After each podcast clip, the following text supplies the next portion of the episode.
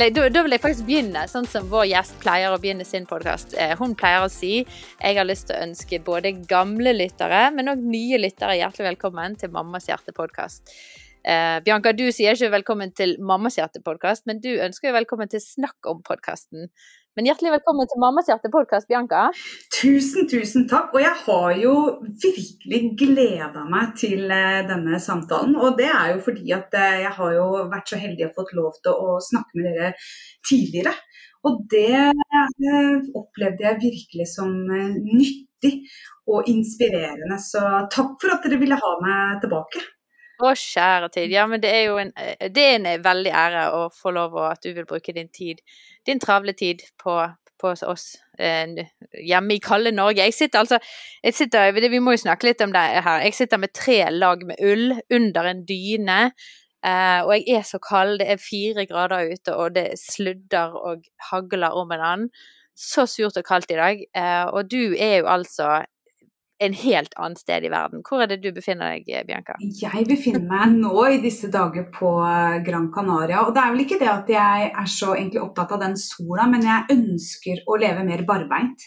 Et lettere liv som, eh, som passer meg bedre. Jeg er en mye bedre utgave av meg selv når jeg har lys eh, i livet mitt. Ja. Men har dere For forrige gang vi snakket, så drev dere og, og på en måte nedskalerte eiendommene deres, som det heter så mhm. fint. Eh, det heter ikke det, det var bare noe jeg fant på nå. Men det hørtes ut som jeg var sånn eiendomsmogul, og det er jeg ikke ja. eiendommene, det hørtes jo voldsomt ut. Det er sånn kjekt. Og så er det liksom sånn her Det der har ingen sagt noen gang før. Men OK, dere drev i hvert fall og solgte unna en del. Og så var det snakk om ja. noe båt, ble det noe av? Du vet hva, vi har stort sett solgt alt vi eier og har. Vi har, vi har til og med nå ikke bil. Um, så vi har nedskalert brutalt uh, mye.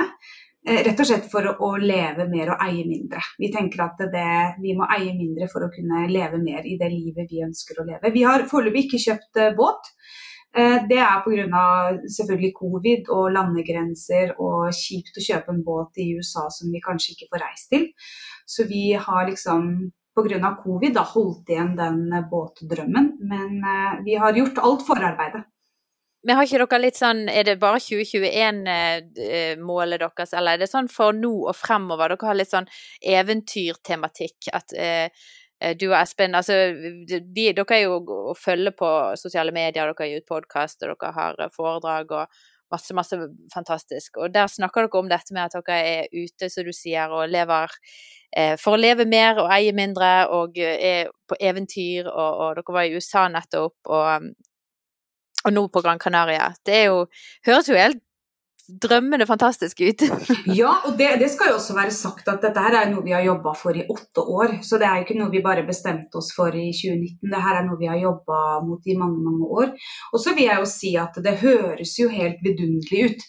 Ikke sant? Den, hvis jeg liksom presenterer livet mitt, så vil jo de fleste tenke herlighet, tenke å leve sånn. Men så er det også mange ting med det når drømmer blir realisert som man ikke hadde tenkt på. ikke sant? Nå, Gutta mine på 20 er nå eh, på hver sin plass i Forsvaret i Norge. Eh, jeg skal ikke være utøvende mamma mer. Det er jo virkelig en, eh, en erfaring å gjøre seg. ikke sant? Hvem er Bianca uten det å skulle være mamma? Eller jeg er jo fortsatt mamma, men å ikke ha de arbeidsoppgavene og den nærheten. Plutselig så er jeg ikke eier av et hus med hage. Eh, plutselig så eier jeg en bitte liten leilighet på, på Kalnes i Tønsberg. Så veldig mange av de tinga jeg har definert meg som, er jeg jo nå ikke lenger. Før så hadde jeg masse ting. Veldig mange ting med affeksjonsverdi fra alle i familien min. Og, jeg hadde jo arva en haug med mennesker. Nå eier jeg nesten ingenting.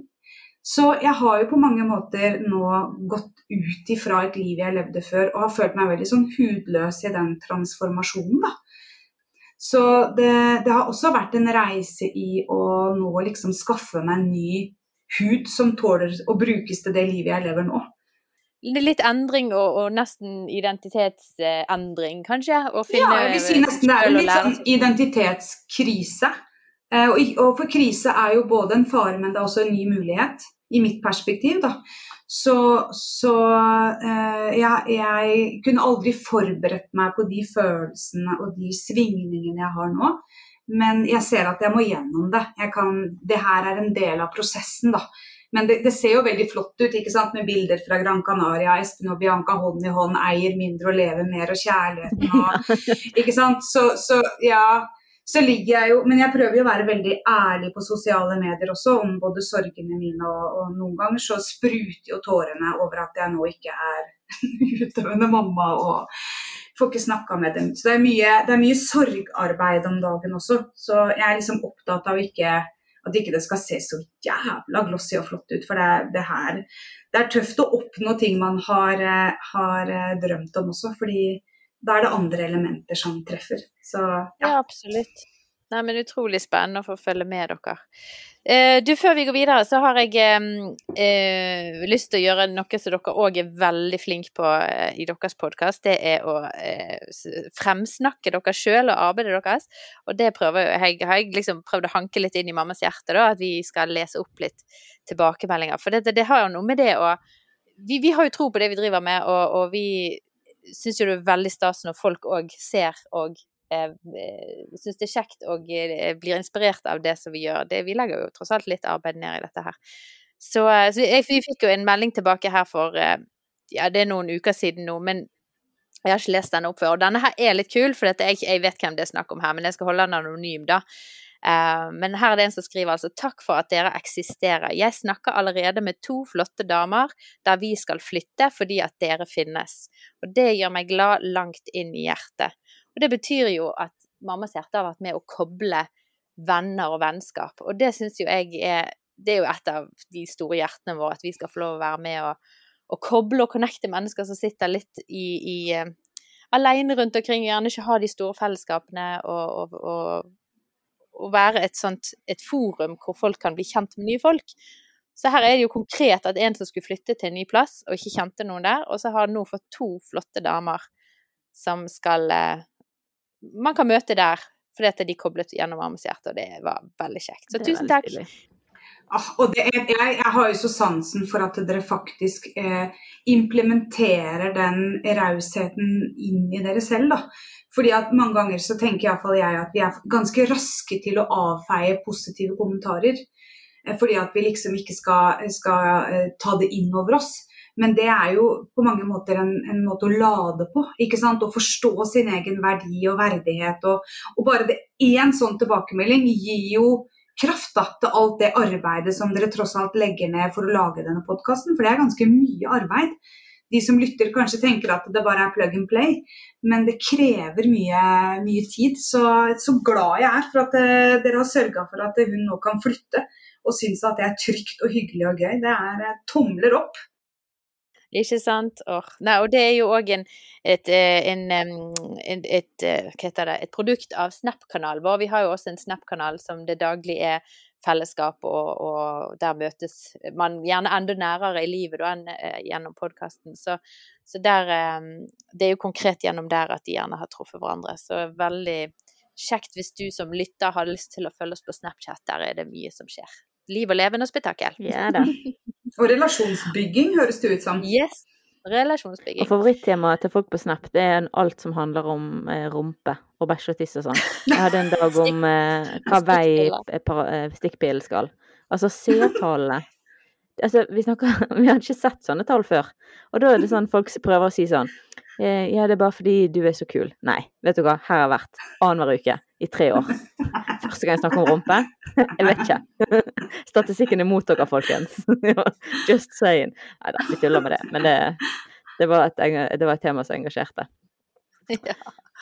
Nei, men uh, vi, uh, Bianca, nå har vi liksom en litt sånn Vi har en sånn serie nå med tre uker hvor vi snakker liksom om uh, rundt det samme tematikken. Så denne uken så denne podkasten kommer ut, så har vi altså om dette med parrelasjon. Og har, uken før så har vi snakket om eh, parrelasjon. Uken etter kommer det med parrelasjon. Så, så, du er liksom midt inni gryten da, av eh, denne tematikken som vi ønsker å eh, dvele ved. Eh, og det som jeg har hanket deg inn for, for jeg syns dere snakket så, du og Espen, din mann, snakket så godt om dette med sjalusi på en podkast dere hadde. Og um, det hadde jeg lyst til å ha deg med å prate om. Det har vi aldri snakket om før. Nei, jeg tror ikke vi har snakket om det før, nei. Uh, og det er jo en ting vi alle tror jeg kan kjenne igjen, gjør skikkelig vondt. Og er, jeg har i hvert fall vært stuck i sjalusi i mange år og jobbet, jobbet, jobbet med det, altså. Så det, det kan være skikkelig påkjennende for parrelasjonen å, å ha det inne i bildet.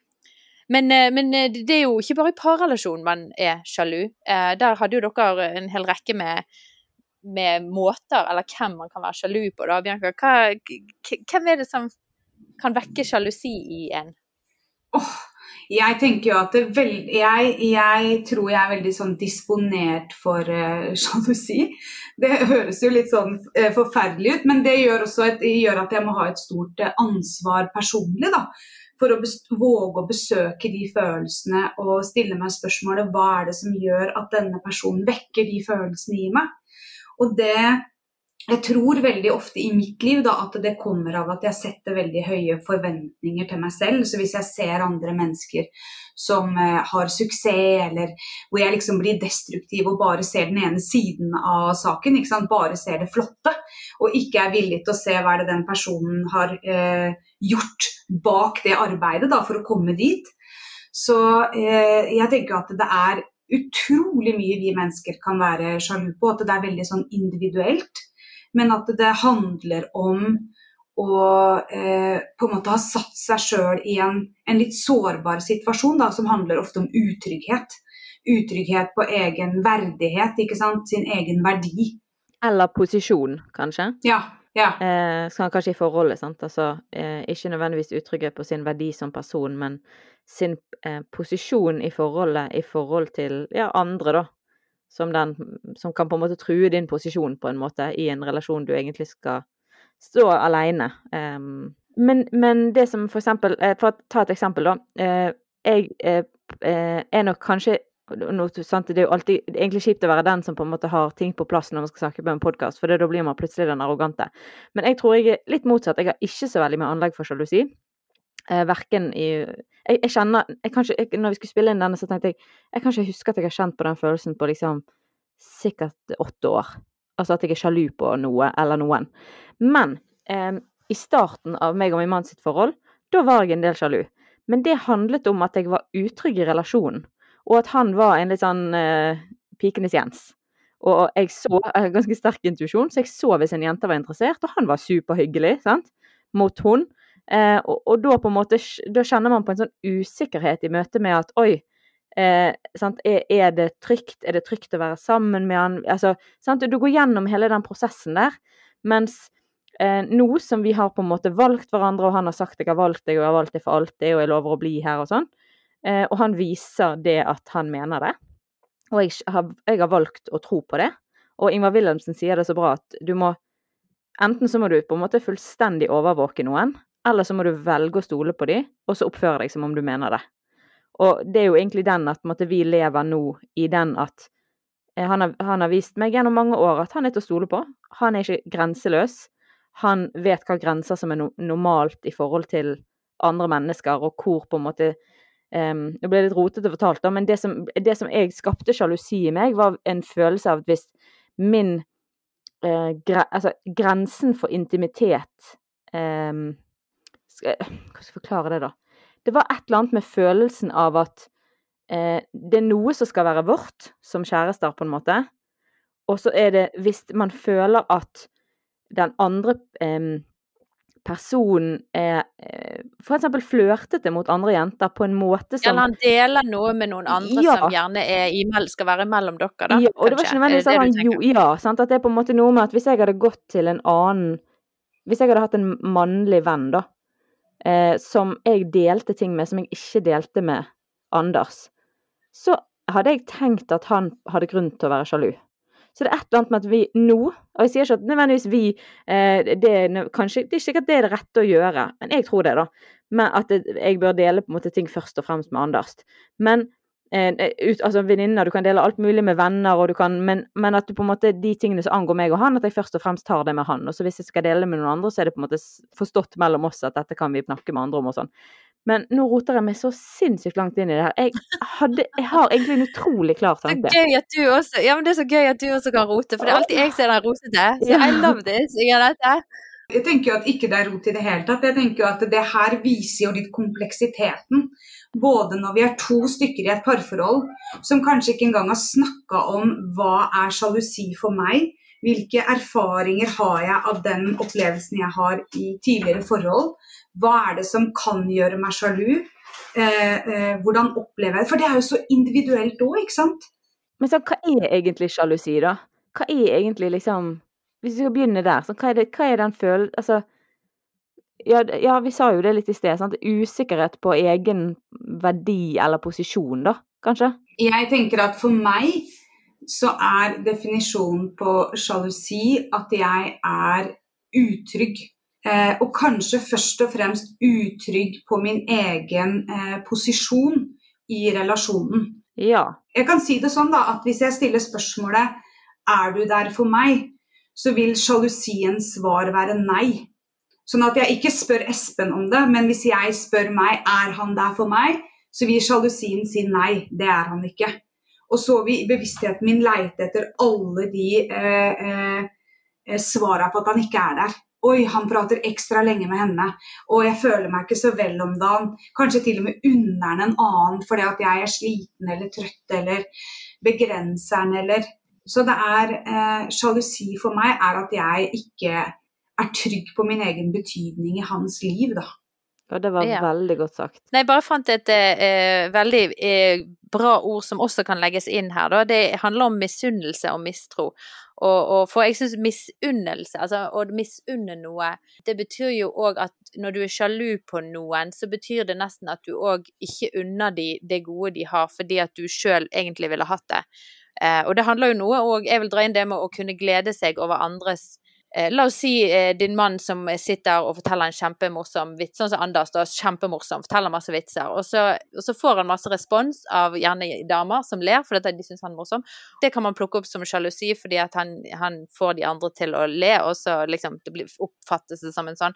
Men det blir jo litt det der med jeg unner ikke deg den oppmerksomheten som du nå får fordi at jeg vil egentlig ha det sjøl. Ja, men jeg ville skilt det der i to ting. Ved misunnelse, da vil jeg si at du misunner noen. sant? Du unner ikke noen f.eks. å Ja, ting som kan være sårt, sant, bli gravid. Eller du kan eh, Enkle ting som eh, på en måte sånn sydentur, du sitter i Syden, Bianca, sant, og nyter livet. Og man på en måte tenker at man ikke unner de det. Mens sjalusi for meg, det er sånn som i forhold til det som Bianca sier, sånn, det handler om på en måte min trygghet i relasjonen. Jeg har gode venninner som òg er venninner av min mann. Men fordi at jeg vet at jeg vet at jeg vet, at de oppfører seg i henhold til grenser som går på en måte når en, når en mann skal være med en annen kvinne, og begge er gift med hver sine andre personer, så fins det noen mm. sånne naturlige, sunne grenser i forhold til hvordan den praten skal gå. Man kan godt være eh, personlig, man kan godt være på en måte nær til en viss grad i praten, men det går noen sånne her helt naturlige grenser som jeg ikke egentlig klarer å sette helt ord på, men det, men det er noen sånne naturlige grenser. Og det som gjør at det ikke vekker sjalusi hos meg, uansett hvem min mann måtte snakke med, er fordi at han vet hvor den grensen går, og han overskrider han aldri. Og han forteller meg, hvis han har vært med en kompis nede i, i, i byen og tatt seg en øl, så forteller han meg hvis han blir sjekket opp av damer på 40 Eh, og at han på en måte prøver å trykke ringene i fjeset på de og fortelle om ungene. sant? Og så syns han det er så fascinerende at, er, at de liksom ikke gir seg, da. Eh, og det viser jo at de har ikke de grensene der. Og hadde ikke min mann hatt de grensene, så hadde jeg hatt god grunn til å være sjalu. Fordi at det hadde vært en, i hvert fall etter min oppfatning, en, grens, en grenseoverskridende oppførsel. Men fordi at når han, han kan være alene med mine venninner Jeg tror faktisk jeg, jeg kunne sendt dem på stranden sammen. Jeg kunne sendt dem på hyttetur sammen.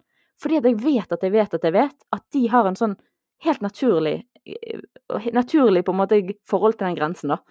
Ja, du har tillit da, til både dine venninner og til din mann ja, sant? på dette området? Eh, og, og derfor så vekker det lite eh, Det er lite rom for å bli sjalu, fordi at jeg har, jeg har ingen grunn til det. Men så er det jo andre som lever gjerne og ikke har den tilliten, sant? og gjerne har fått tilliten skikkelig knust og ødelagt pga. tillitsbrudd, og at de faktisk har opplevd at når de har trodd og gitt noen tillit, så, så har de faktisk ødelagt den med at de har gjort ting som ikke har vært greit. Så, så, så, det finnes jo folk Det er ikke alle som dette går like greit for og like lett for. Nei, nei, nei. Og det, er ikke, det, og det som jeg sier, påpeker her, at uh, han har ikke gitt meg noen grunn til det.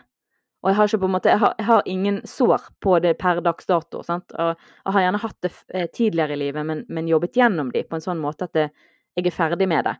Og derfor så er det en, en, følelse jeg kjenner veldig veldig lite på i livet mitt. Men det har jo ikke alltid vært sånn. Sånn at det er jo ikke sånn at det på en måte kommer gratis. Og det var jo det i forhold til han Ingvar Wilhelmsen. Sant? At du må på et eller annet tidspunkt, hvis folk viser seg tillit verdig, og viser at på en måte jeg, jeg velger deg, og jeg nå er det oss, og, og, og lever som, som, om det er det, som et eller annet tidspunkt, så må man på en måte velge, da. Eh, vil jeg leve med disse følelsene, eller vil jeg stole på dette mennesket? Og da må jeg i tilfelle oppføre meg som jeg mener det. Er det det han sier? Ja, så tror jeg, jeg tror vel på mange måter at eh, mange av oss, når vi får en, en ny partner, så har jo den partneren med seg en historie. Så hvis den partneren har med seg opplevelser av tillitsbrudd, eller de har blitt lurt eller ført bak lyset, eller Så er det veldig lett at den personen har med seg de menneskene inn i relasjonen. Sånn at det, eh, på bakgrunn av hva jeg har opplevd før, så holder jeg deg ansvarlig for de opplevelsene. Og det i, i relasjonen med, med, Espen, ikke akkurat på det området med sjalusi, men jeg ser jo at jeg liksom har hatt med meg tidligere partnere som Espen har måttet betale prisen for, har driti seg ut. Fordi at jeg ser på han med svære øyne og liksom vurderer han da, etter at jeg tidligere har blitt såra på det området. Og det kan jo bli urettferdig? Ja, det er jo kjempeurettferdig at hvis, hvis Espen hadde vært, eh, hatt en tidligere partner som hadde vært utro, og så skulle han liksom ta på seg lupa i møte med meg og behandle meg som om at jeg har intensjon om å, å bedrive utroskap, så ville jo jeg blitt provosert i alle dager. Jeg har jo aldri gjort noe som insinuerer det i det hele tatt.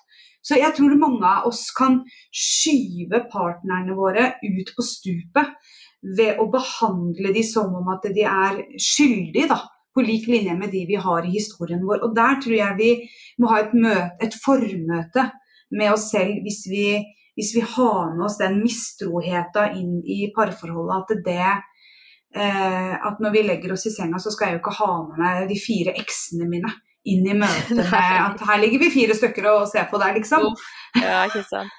Nei, jeg tror sånn på at det er liksom en tosidig jobb her, da. Én ting er jo det at eh, den, eh, la oss si eh, mannen i dette tilfellet, siden vi er tre damer som sitter her og snakker, da, så blir det jo at mannen må, må, må ta det ansvaret og eh, vise seg tillitverdig. Sant? Sånn som Inger Nette snakker om disse grensene, at man, man, man, er bevisst over de og overholder de og, og er til å stole på. da. Men så må, så må, jo vi ofte damer, for jeg føler ofte det, jeg vet ikke om hvordan, nå kan jeg generalisere veldig, men at det er vi damer som ofte blir veldig fort sjalu og lager disse her enorme fortellingene i hodet vårt og, og, og beskylder sant, våre menn for å gjøre ditten og datten, og du så på hun og du er interessert i hun, og i hvert fall jeg har jeg vært sånn. Uh, og da må vi ta en jobb på hjem. Vi kan ikke bare tvinge han til å på en måte eh, vise tillit, vinne vår tillit og gjøre jobben. Vi må også gjøre en jobb eh, med hodet vårt, da, tenker jeg. For det der snakker du om tidligere, Bianca, så godt om den her eh, sjalusiens gryte, da. At, vi lager, at det er fort til å lage en sånn gryterett. ja, ja. Det blir jo en samling av bevis på at den andre ikke er tilliten verdig. Ja, det blir en gryterett. Litt sånn grisører der og litt sånn krydder der. Og, og så sa du der. det, og så gjorde du det, og du ble så rar når du var sammen med hun òg, ikke sant. Der. Og så var det et bilde der på sosiale medier, og så var det en tekstmelding der, og så så du Ja, sant, ikke sant. Og så, og så blir det den der fortellingen som vi lager oss sjøl oppi hodet, som, som kan rett og slett eh, drive oss til vanvidd. Det er jo reptilhjernen. Ikke sant? I det øyeblikket vi blir usikre, så er det jo fight, flight og freeze som gjelder. Og, og sjalusi trigger jo den eh, følelsen enormt. Og da handler det noe om at enten så er vi der ute og samler bevis og angriper, så gjorde du det, og så sa du det. Eller så trekker vi oss tilbake og, og bare ser på, ikke sant. Iakttar med, med skrekk og gru og, og, og liksom virkelig liksom blir utrygge i relasjonen vår. Og det tror jeg Jeg tror det er liksom to ting som er viktig, da. hvis man er i en relasjon hvor det er sjalusi til stede, det er jo eh, først og fremst snakke om hva er sjalusi for meg, og hva trigger det.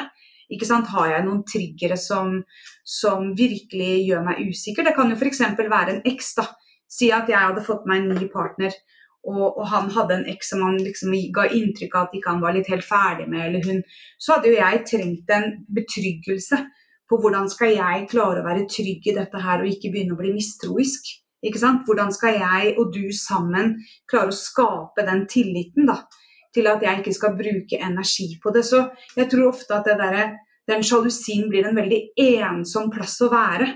Fordi at eh, partneren sier kanskje at du har ingen grunn til å være sjalu. Og det, det, er jo ikke sånn at det bare poff, så blir Å nei, takk skal du ha, nå ble den borte! Ja, takk for jeg ja. Å, herlig, så deilig at du sa det, nå skal jeg aldri tenke Det er ikke sånn det funker. Så vi, vi, vi må nødt til å snakke om det. Og jeg tenker viktigheten av å legge problemet foran oss, da, at ikke det sitter i meg eller i Espen eller i, i deg, Ingrid Anette, eller i deg, Katrin. Det, det, det, er noe som tilhører parforholdet som vi må, vi må ta i det sammen. Ja, det er vårt problem, det er ikke bare mitt problem, sant? For ofte så blir det jo bare den sjalus problem. Du, dette må du finne ut av, eller du må søke hjelp, eller Og det gjør det jo enda mer vanskelig å være i den situasjonen, for det er jo ingen som velger seg det fordi det er så fett. det, er, det, er ingen som tenker at den rollen skal jeg ta, for den er jo virkelig energitilførende. Deilig følelse å gå rundt med, på en måte. Så, så, det er ikke noe man bare kan ta seg sammen på heller, det må snakkes om.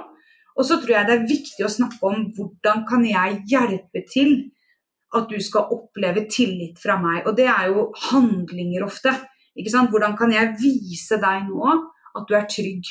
Og det, det, har vært litt sånn, iallfall kjernen i vårt uh, parforhold. Hvis det har vært liksom eh, perioder si Nå er det ganske lenge siden, men det var en periode hvor Espen reiste mye i TV-produksjonsverden og var tett på andre damer over lengre tid, flere måneder. Eh, hvor jeg satt hjemme, og han var i Brasil og søren steike rundt i hele verden med, med andre unge, blidpositive damer. Og mitt kjærlighetsspråk er jo tid. ikke sant? Hadde jo ikke tid i det hele tatt. Var hjemme med unger og hus. og og jeg kjente jo da at det var lett å begynne å koke gryterett, liksom. Jeg har ikke tid til å prate med deg, for jeg og Lise skal i et møte. ikke sant? For jeg tenkte bare fy fader, fuck Lise, liksom. Hva skjedde med at jeg trenger å høre stemmen din? Og... Så det er fort gjort hvis man ikke snakker om det, og, og, at det er rom for å kjenne på de følelsene. For i utgangspunktet så kommer jo sjalusi av at noe er verdifullt for oss. Men jeg tror det er viktig da at eh, når man skal snakke om det, sant, så er det på en måte dette med at, at man må liksom eie det litt. At man sier at når eh, jeg føler meg utrygg, eh, men hvis man med en gang går sånn Når du sier at du skal spise middag med Lise, så er det typisk at du liker Lise bedre enn meg. Altså selvfølgelig, det er jo men at man, man, på en måte begynner med, å, begynner med seg sjøl, og at man har ansvar for sine egne følelser. Og så si sånn som du sier sånn Mitt kjærlighetsspråk er tid. Jeg skjønner at det er travelt der borte, men jeg kjenner at det trigger noe i meg når du ikke har tid til meg fordi at du skal være med andre jenter. Jeg trenger at du på en eller annen måte viser meg at det fortsatt er meg som er den viktigste personen da, i livet ditt.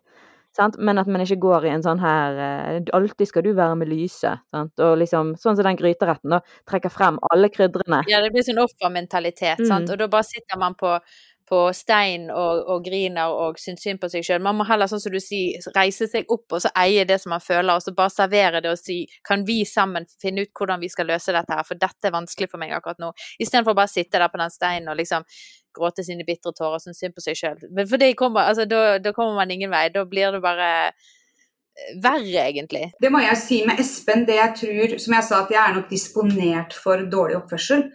Eh, eller disponert for eh, Jeg tror jeg er veldig kreativ. at jeg har veld, Han sier jo at han er gift med 100 koner. ikke sant? Han gir meg en kaffekopp, og alt er bra. Neste øyeblikk når han snur seg tilbake for å fylle på, så har det skjedd noe. Så det jeg opplever at har vært liksom kjernekvaliteten til Espen i møte med meg, er at han alltid har tatt meg på alvor. Sånn at når jeg har eh, begynt med gryterett, da, så har han sagt det. At du er den pers... Selv om jeg har inngangsverdiene mine har vært kritikk eller å peke på den, eller så har han alltid i sin første liksom, introduksjon betrygga meg da, at jeg har valgt deg. Du er den som er viktigst for meg, Bianca. Du må gjerne velge å tenke. Og det, jeg har vært så det har betydd så mye for hvordan jeg har eh, slutta å være destruktiv. Da? Han har, vært så ty han har liksom aldri sagt noe må du kutte ut det eller ta deg sammen. Eller, fordi da hadde jeg kokt skikkelig suppe. Hvis noen hadde møtt meg. For da hadde jeg tenkt bare se på meg lage gryterett her. Jeg skal fader meg lage den største i retten. For det, for det, handler om å bli sett i følelsene sine, da, selv om de er destruktive. Og det tror jeg nok mange, inkludert meg sjøl, har noe å lære av at når noen du er glad i, eh, uttrykker at de har det vanskelig, selv om det kommer i, i, sinne eller tilbaketrekking eller det er ikke noe, eller? Det å se ordene bak handlingen eller ordene bak det som blir sagt. Ja, ta det på alvor, sant? Ja, og det å snakke til den personen, ikke til det, ikke til det usjarmerende som vesenet som ofte sjalusi kommer i, men Hallo, nå har partneren min det vanskelig, liksom. Sjalusi er dritvondt. Å snakke til den følelsen, og ikke nødvendigvis til det usjarmerende uttrykket som sjalusi har. For det, det, er jo en veldig det er jo en drakt eller en rustning som er litt sånn uspiselig. Iallfall når jeg er sjalu. Jeg er jo så uspiselig. Og jeg er jo så sterk i det, ikke sant. Jeg er jo så bestemt at uh, jeg har grunn til å ha på meg den drakta her. Så, så, det at noen da liksom kan løfte på den, det kledet da, og kikke under og si 'hallo, hallo, jeg elsker jo deg, jeg har valgt deg'. Du trenger ikke å være, ikke å være det utyske her, liksom. Jeg, jeg romer det òg, jeg. Men du trenger ikke. Det var veldig fint eh, beskrevet, altså. Ja, for vi er jo ikke sjarmerende når vi er sjalue. Jeg er jo den verste utgaven av meg sjøl når jeg er i den, den usikkerheten, da. Og så krever det jo noe. Ja, det, og du sa jo det så fint i den podkasten òg, at du, du, har så lyst altså, I denne her, så du snakker om denne her, eh, det groteske eh, siden av deg i sjalusiens eh, monster, sant? så har du så lyst til at historien din skal være riktig. For du har jo lagd en og, Ja, men jeg vet at du gjorde det. Jeg, jeg, liksom, eh, man er så bastant, sant. For dette, man, det er jo egentlig frykt. Så bare sånn her eh, Ja, men si nå bare da at du liksom liker hun, eller du er, eh, hun er finere enn meg, eller et eller annet. Og så Det kommer så voldsomt og vondt og sårt og eh, Ja, så setter man jo den andre i en posisjon av at man allerede har dømt dem, så uansett hva den andre sier, så fortsetter Iallfall jeg, da. Jeg fortsetter jo. Og jeg er jo ganske standhaftig i det. Eh, ja, hvorfor føler jeg det sånn da? Hvorfor, hvorfor, var du ikke tydeligere med henne da? Hvorfor, sånn, du blir jo til et avhør av noen som tenker Been there, done that. Ja, ikke sant? Og, ja, og det, hvis man da i tillegg er kommunikativ sterk, ikke sant? Så blir det jo voldsomt. For jeg gir meg jo ikke før jeg får rett. Og det har vært så mange tårefulle netter pga. dette her, altså. Og jeg har hatt avhør, og jeg har ikke villet snakke på mange timer fordi at jeg bare ligger og har det vondt, og så må han ligge og jeg, Nesten jeg torturerer han fordi at jeg vil ikke snakke, men han må jo være der, og han er jo på forhør, men sant, og så bare ligger Nei, det har vært så mye drit av dette her, skal jeg fortelle dere, i, opp gjennom vår tid, at det er Du aner det ikke.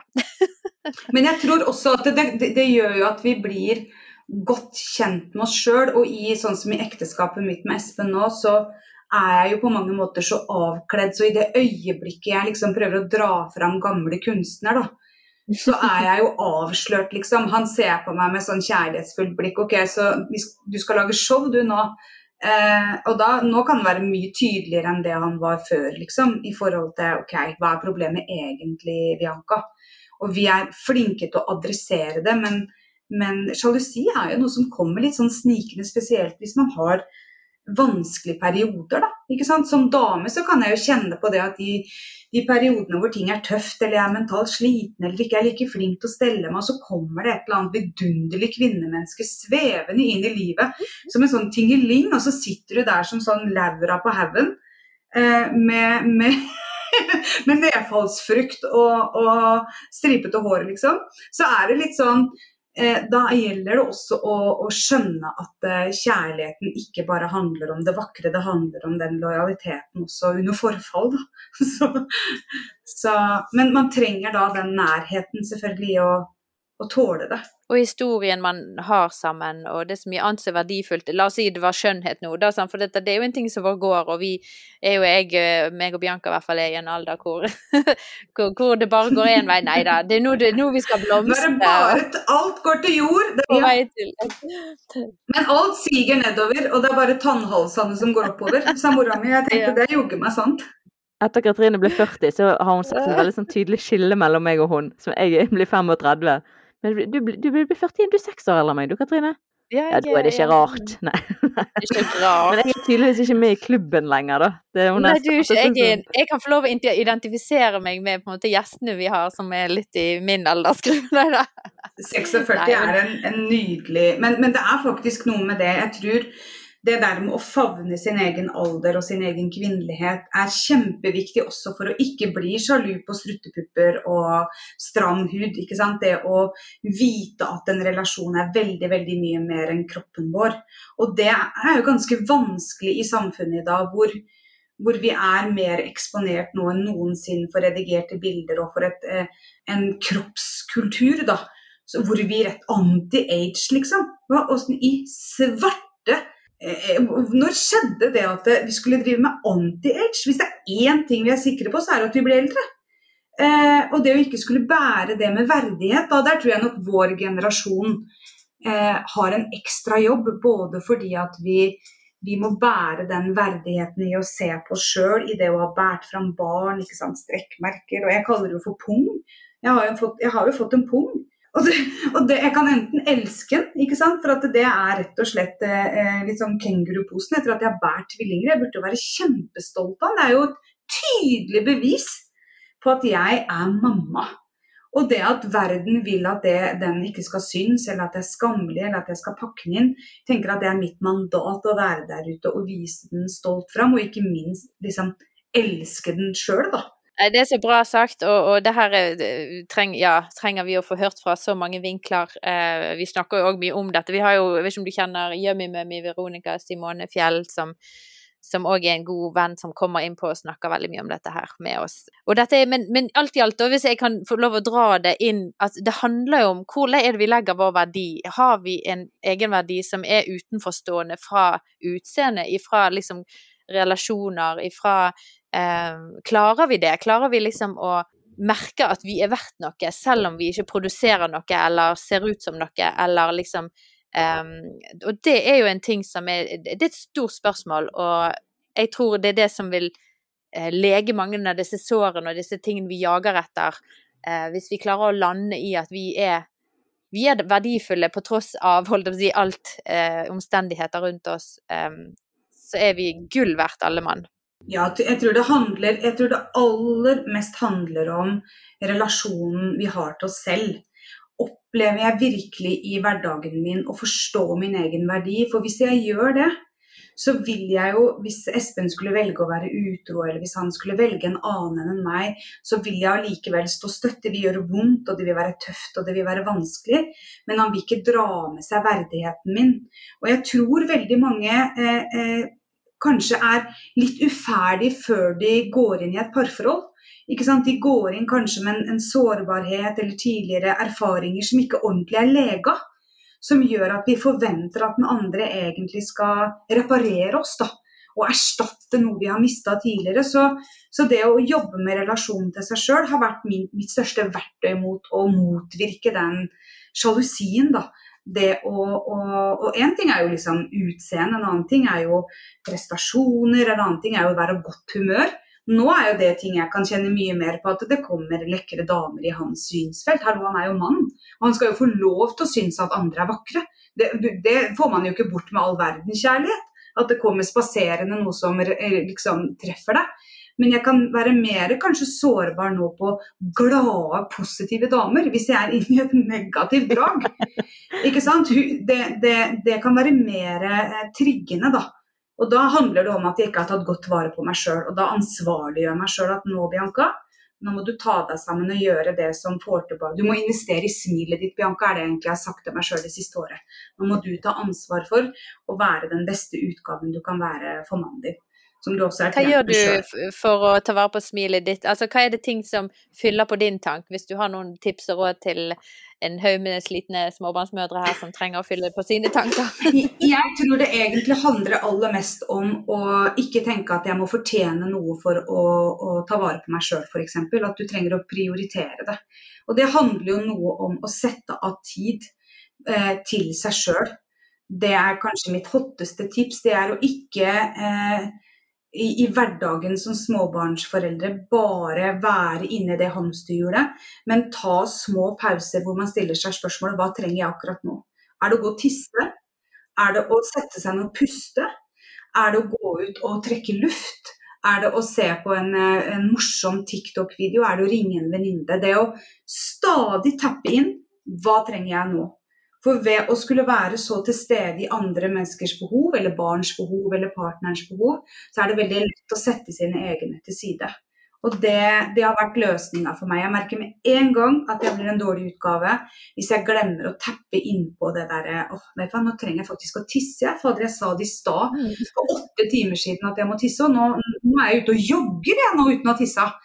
Eh, så, så, så, det å, å, å stille, ha, ha seg sjøl som førsteprioritet i en hektisk eh, hverdag. Nei, men altså eh, vi, vi, vi, kan jo snakke i det vide og det brede, men, men, jeg lurte Siste spørsmål, hvis vi skal gå til en avrunding, da. Så hva, hva kan være positivt, eller kan det spørsmålstegn være noe som er positivt med sjalusi? Kan det bringe noe positivt på banen til parrelasjonen, eller er det liksom kun destruktivt? Oh, jeg tror det er en gavepakke for eh, par å jobbe med sjalusien hvis den er i et parforhold, og komme gjennom det. Jeg tenker jo at ingen av oss er trygge i noen eh, parrelasjoner før eh, vi virkelig har støtt på skikkelige utfordringer, og vi fortsatt er der for hverandre. Så for meg i min relasjon til Espen, så har egentlig alle smellene vi har gått på, vært viktig, viktig liksom kjetting, da. I det å vite at han er der for meg i å vite at han tåler den verste utgaven. Hallo, han har jo sett monstre. Og jeg har tydeligvis ikke klart å skremme den. Og det er jo en ekstrem styrke i vårt eh, parforhold. Det å vite at eh, når du har vært på den verste plassen, så har han også tålt det. Så jeg tenker jo at de para eller den, de menneskene som hører på denne podkasten og sliter med sjalusi, det å snakke om det, det å riste av seg den skammen og anerkjenne at det, dette her er følelser jeg har, eh, og at det er mulig å komme gjennom det, det tror jeg er det viktigste med det. At det, da er det en gullgruve. For da har man vært i så kjipe følelser, og så har man funnet fram til de gylne trådene som gjør at man kan se hverandre i øya ved en seinere anledning. Kanskje i en situasjon du vanligvis hadde blitt sjalu, så kan man liksom flørte med hverandre og si 'se på meg nå', liksom. Jeg tåler det. Dans med henne, du, liksom. Men for du veit jo at jeg er eh, gullpersonen i ditt liv, liksom. Det er, ja, det er teamwork da, rundt ting som er utfordrende. Ja, og da tenker jeg, da kjenner jeg på sånn der, da er man på dypet av hva kjærlighet er for noe. Når du har kommet dit, og liksom kan bare sånn der det, se på oss nå, da. Eh, i, i, forhold til det. Og det er bare utrolig vakkert, syns jeg, hvis man klarer å bare komme til de plassene og, og verdsette jobben man har gjort, og svetten, blodet og tårene som man har lagt ned i parrelasjoner. Så bare skryte av seg sjøl. Ja, så er det jo utrolig sexy når du har en mann som du kan se på på avstand. Så ser du en eller annen dame svermer. Og så veit du at når han ser på deg, så bare elsker han deg, liksom. Og du tenker bare la hun dama slå ut i full spurv, liksom. han, han digger meg, da. Og så kan, ja, være, ja, så kan man være liksom stolt av det liksom, og ikke føle seg trua. Det er jo så digg å trene på den følelsen og, og se andre damer sverme, liksom. Rundt min Og jeg tenker bare hallo, vær på det fuglebrettet. Dere, jeg her Han, han, han blir med meg hjem. Og det er, det er, en, det er gullet i det, da. Den, den bevisstheten, og også det at som en av dere sa i stad, at eh, du kan sende mannen din av gårde og vite at han også ivaretar deg når du ikke er der. På en verdig måte. Og det, men det må øves på, det er ikke noe som bare er gitt, tror jeg. Nei, det er ikke, og det er ikke gjort bare med ord. Det er sånn som du sier, du må erfare det.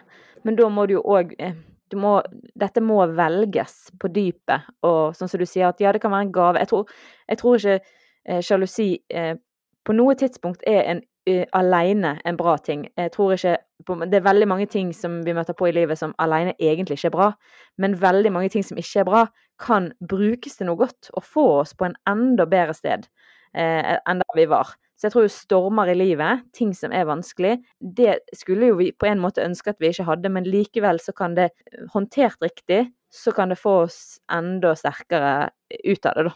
Jeg pleier å si at dritt kan være god gjødsel. Og ja, det, er godt, det, er liksom et godt Og sjalusi er jo noe dritt, men det kan virkelig vokse ting ut av det som gjør at man er rusta for da, alt det som livet vil eh, kaste på en i et parforhold over tid. Og det å ha tatt i sjalusi og det å ha kjent på det, er jo et kjempeutgangspunkt for å være mer robuste som par. Men da må det snakkes om det må gås noen runder i eget liv på hvordan ser det ut for meg, og hvordan, hvordan er det jeg oppfører meg når noen har mistillit til meg, og hvordan, er, hvordan har jeg mistillit til andre. Så viktigheten er jo å snakke om det, og at ikke, det finnes jo ikke noe fasit på det. Men hvert parforhold må finne ut av det om hvordan det ser ut hos oss. Og hvordan kan vi ta 100% ansvar for det begge to selv om det er meg eller deg som er sjalu, så må det være et 100% ansvar. Det kan ikke være en sånn 'dette må du finne ut av', eller 'dette må du løse', eller Det er vi, vi mot hele verden, ikke sant? Og det, det blir oss, ikke oss. borte av å bare trykke det vekk. Man blir nødt til å forholde seg til det. det. Hvis ikke man gjør det, så vil jeg jo si det at det ikke er dritt, det ikke gjødsel. Det er på en måte en, det blir en sykdom, da. Det blir en sykdom i forholdet, så det er jo helt nødvendig å ja, og jo mer du putter under teppet, jo lavere blir jo takhøyden. Og det er klart den ukulturen i et parforhold med lav takhøyde, hvor du stadig skal skalle opp i ting og stadig liksom snuble over ting som ikke blir snakka om, det jo Det skaper jo avstand. Nei, men så så bra. Og jeg eh, Vi må gå til en avslutning her, men jeg har bare lyst til å avslutte med på den plassen som du, du tok oss med på for et par minutter siden, at vi sitter der da liksom og og møter på sånne utfordringer som tidligere kunne vært triggende for oss, og så bare ser vi på hverandre og, og ler og eh, er på en så god plass, og, og, det tenker jeg det er mulig for alle hvis de gjør sånn som du har sagt her, at jobber seg gjennom det, snakker om det, være sårbar, eh, øve på å vise tillit. Ja, så tror jeg på at folk kan kjenne på den følelsen som du beskrev det. Jeg syns det var en veldig fin følelse å avslutte med. Og at jeg tenker jo at tillit er noe man gjør. Hvordan kan, skal, hvordan kan, jeg gjøre tillit for deg? Veldig veldig ofte i mitt liv så er det handlinger. da? Det er aktive handlinger som er bevis på at jeg kan ha tillit til deg. For tillit er jo et litt sånn suddete begrep. Det er jo liksom bare en Enten så er det der, eller så er det ikke der. Jeg kan ha tillit til å gi deg visakortet mitt, men jeg har kanskje ikke tillit til å overlate ungene mine til deg. Så det er så mange fasetter av tillit også. Så, så det, det viktigste er å snakke om det. Snakk om, og det er jo i podkasten deres, eh, så den kan jo alle gå inn og høre enda mer du og din mann snakke om dette her, eh, og mange andre gulltemaer som dere tar opp på podkasten snakker om. Jeg, tok med meg masse igjen av den, eh, av den samtalen her. Det er jo litt sånn åpenhet skaper muligheter. og det, Der er jo dere kjempeflinke til å bidra med tematikk som man trenger da, i de i den delen av livet hvor man kanskje står med, med bleier og sjuke unger. Og covid, da. ikke sant? Jeg har jo, Fy søren, jeg har så beundring for, for, mødre som har vært i den situasjonen nå med hjemmeskole og barn i barnehage. og Det burde jo vært korpsmusikk og diplomer og fruktkurver nå kjørt ut. For det er jo ikke tvil om at det her har vært tøft så ja, all ære til, eh, til, dere som hører på denne podkasten og kjenner at de åra har vært tøffe. Det, det trengs nå å utvise stor eh, raushet og egenomsorg for å komme på et overskuddsnivå igjen også. Amen. Det er det. Da tar dere de eh, rådene med dere fra Bianca, folkens, og uh, gi dere sjøl en skikkelig god husmors uh, timeout eller ferie eller spadag eller et eller annet som ja, i det minste bare se seg sjøl i speilet da, og tenker at uh, gi seg sjøl noen komplimenter. liksom, At jeg, jeg, trenger ikke engang å være god nok. Jeg, det, jeg, er nok, jeg. Jeg er nok også i alt det jeg står i nå. Det er helt greit. Det er helt innafor. tusen takk, Bianca, for at du uh, henger med oss og deler av din enorme rause kunnskap og uh, erfaring. Takk for at jeg fikk komme og bable i vei om ting jeg syns er kjempeinteressant så må dere nyte tiden videre, og masse lykke til med alt dere står i.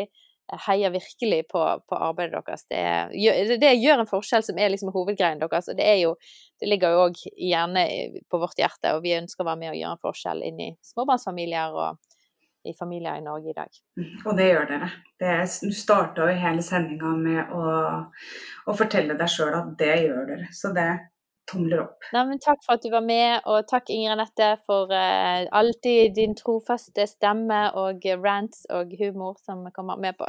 det var ingen rant i dag. Da har vi brukt opp så mange den forrige vi spilte inn, men den kommer seinere. Ja. Så var det, det var den var rantete. Å, herlig fred. Vi ranter mye om barneoppdragelse. Det er der det kommer. Ja. Det er deilig. Ja, det er deilig. Veldig deilig. Kanskje du får komme tilbake og snakke to om oppdragelse. Ja, gjerne. Barneoppdragelse er uh, kjempespenn. Kanskje jeg får leie deg inn til podkasten her og så snakke om dette. Nå må vi ikke gå inn i det, for da blir vi aldri ferdig. Men dette her med ja, robuste, jo, hvordan, robuste barn, der fikk du øynene ja, jeg Hallo, jeg ønska meg jo ikke engang barn, og endte opp med en drøss med unger, liksom. Så seriøst, så jeg har noen tips i ermet der på, på, både det ene og det som er både sjokkerende som barnevernspedagog, men også ganske interessant. Jeg kan være med på en rant-podkast om ja, vi tar en rant. ja, det blir, en podcast, det blir en, en rein rant. Da begynner ja. Bianca. ja. Er det Katrine? Vi tar det alfabetisk. Ja. ja. Nei, men da Nei, men Da takker jeg for at du som lyttet, lyttet på.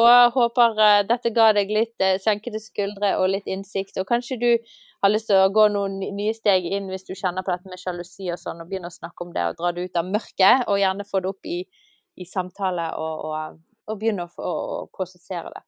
Trollet sprekker i lyset, vet du. Det er så nydelig. Å, det er bra. Nei, men Da takker jeg for nå, og så høres vi i neste episode. Ha det på badet!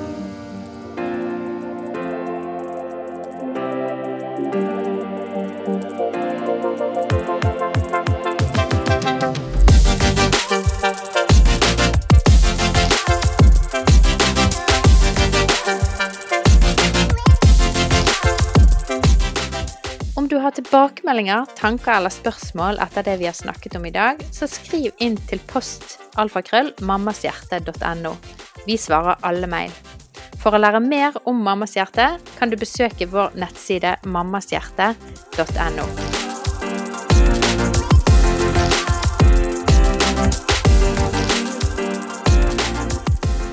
Denne podkasten er laget i samarbeid med Tro og Media og Familiesenteret i Bergen.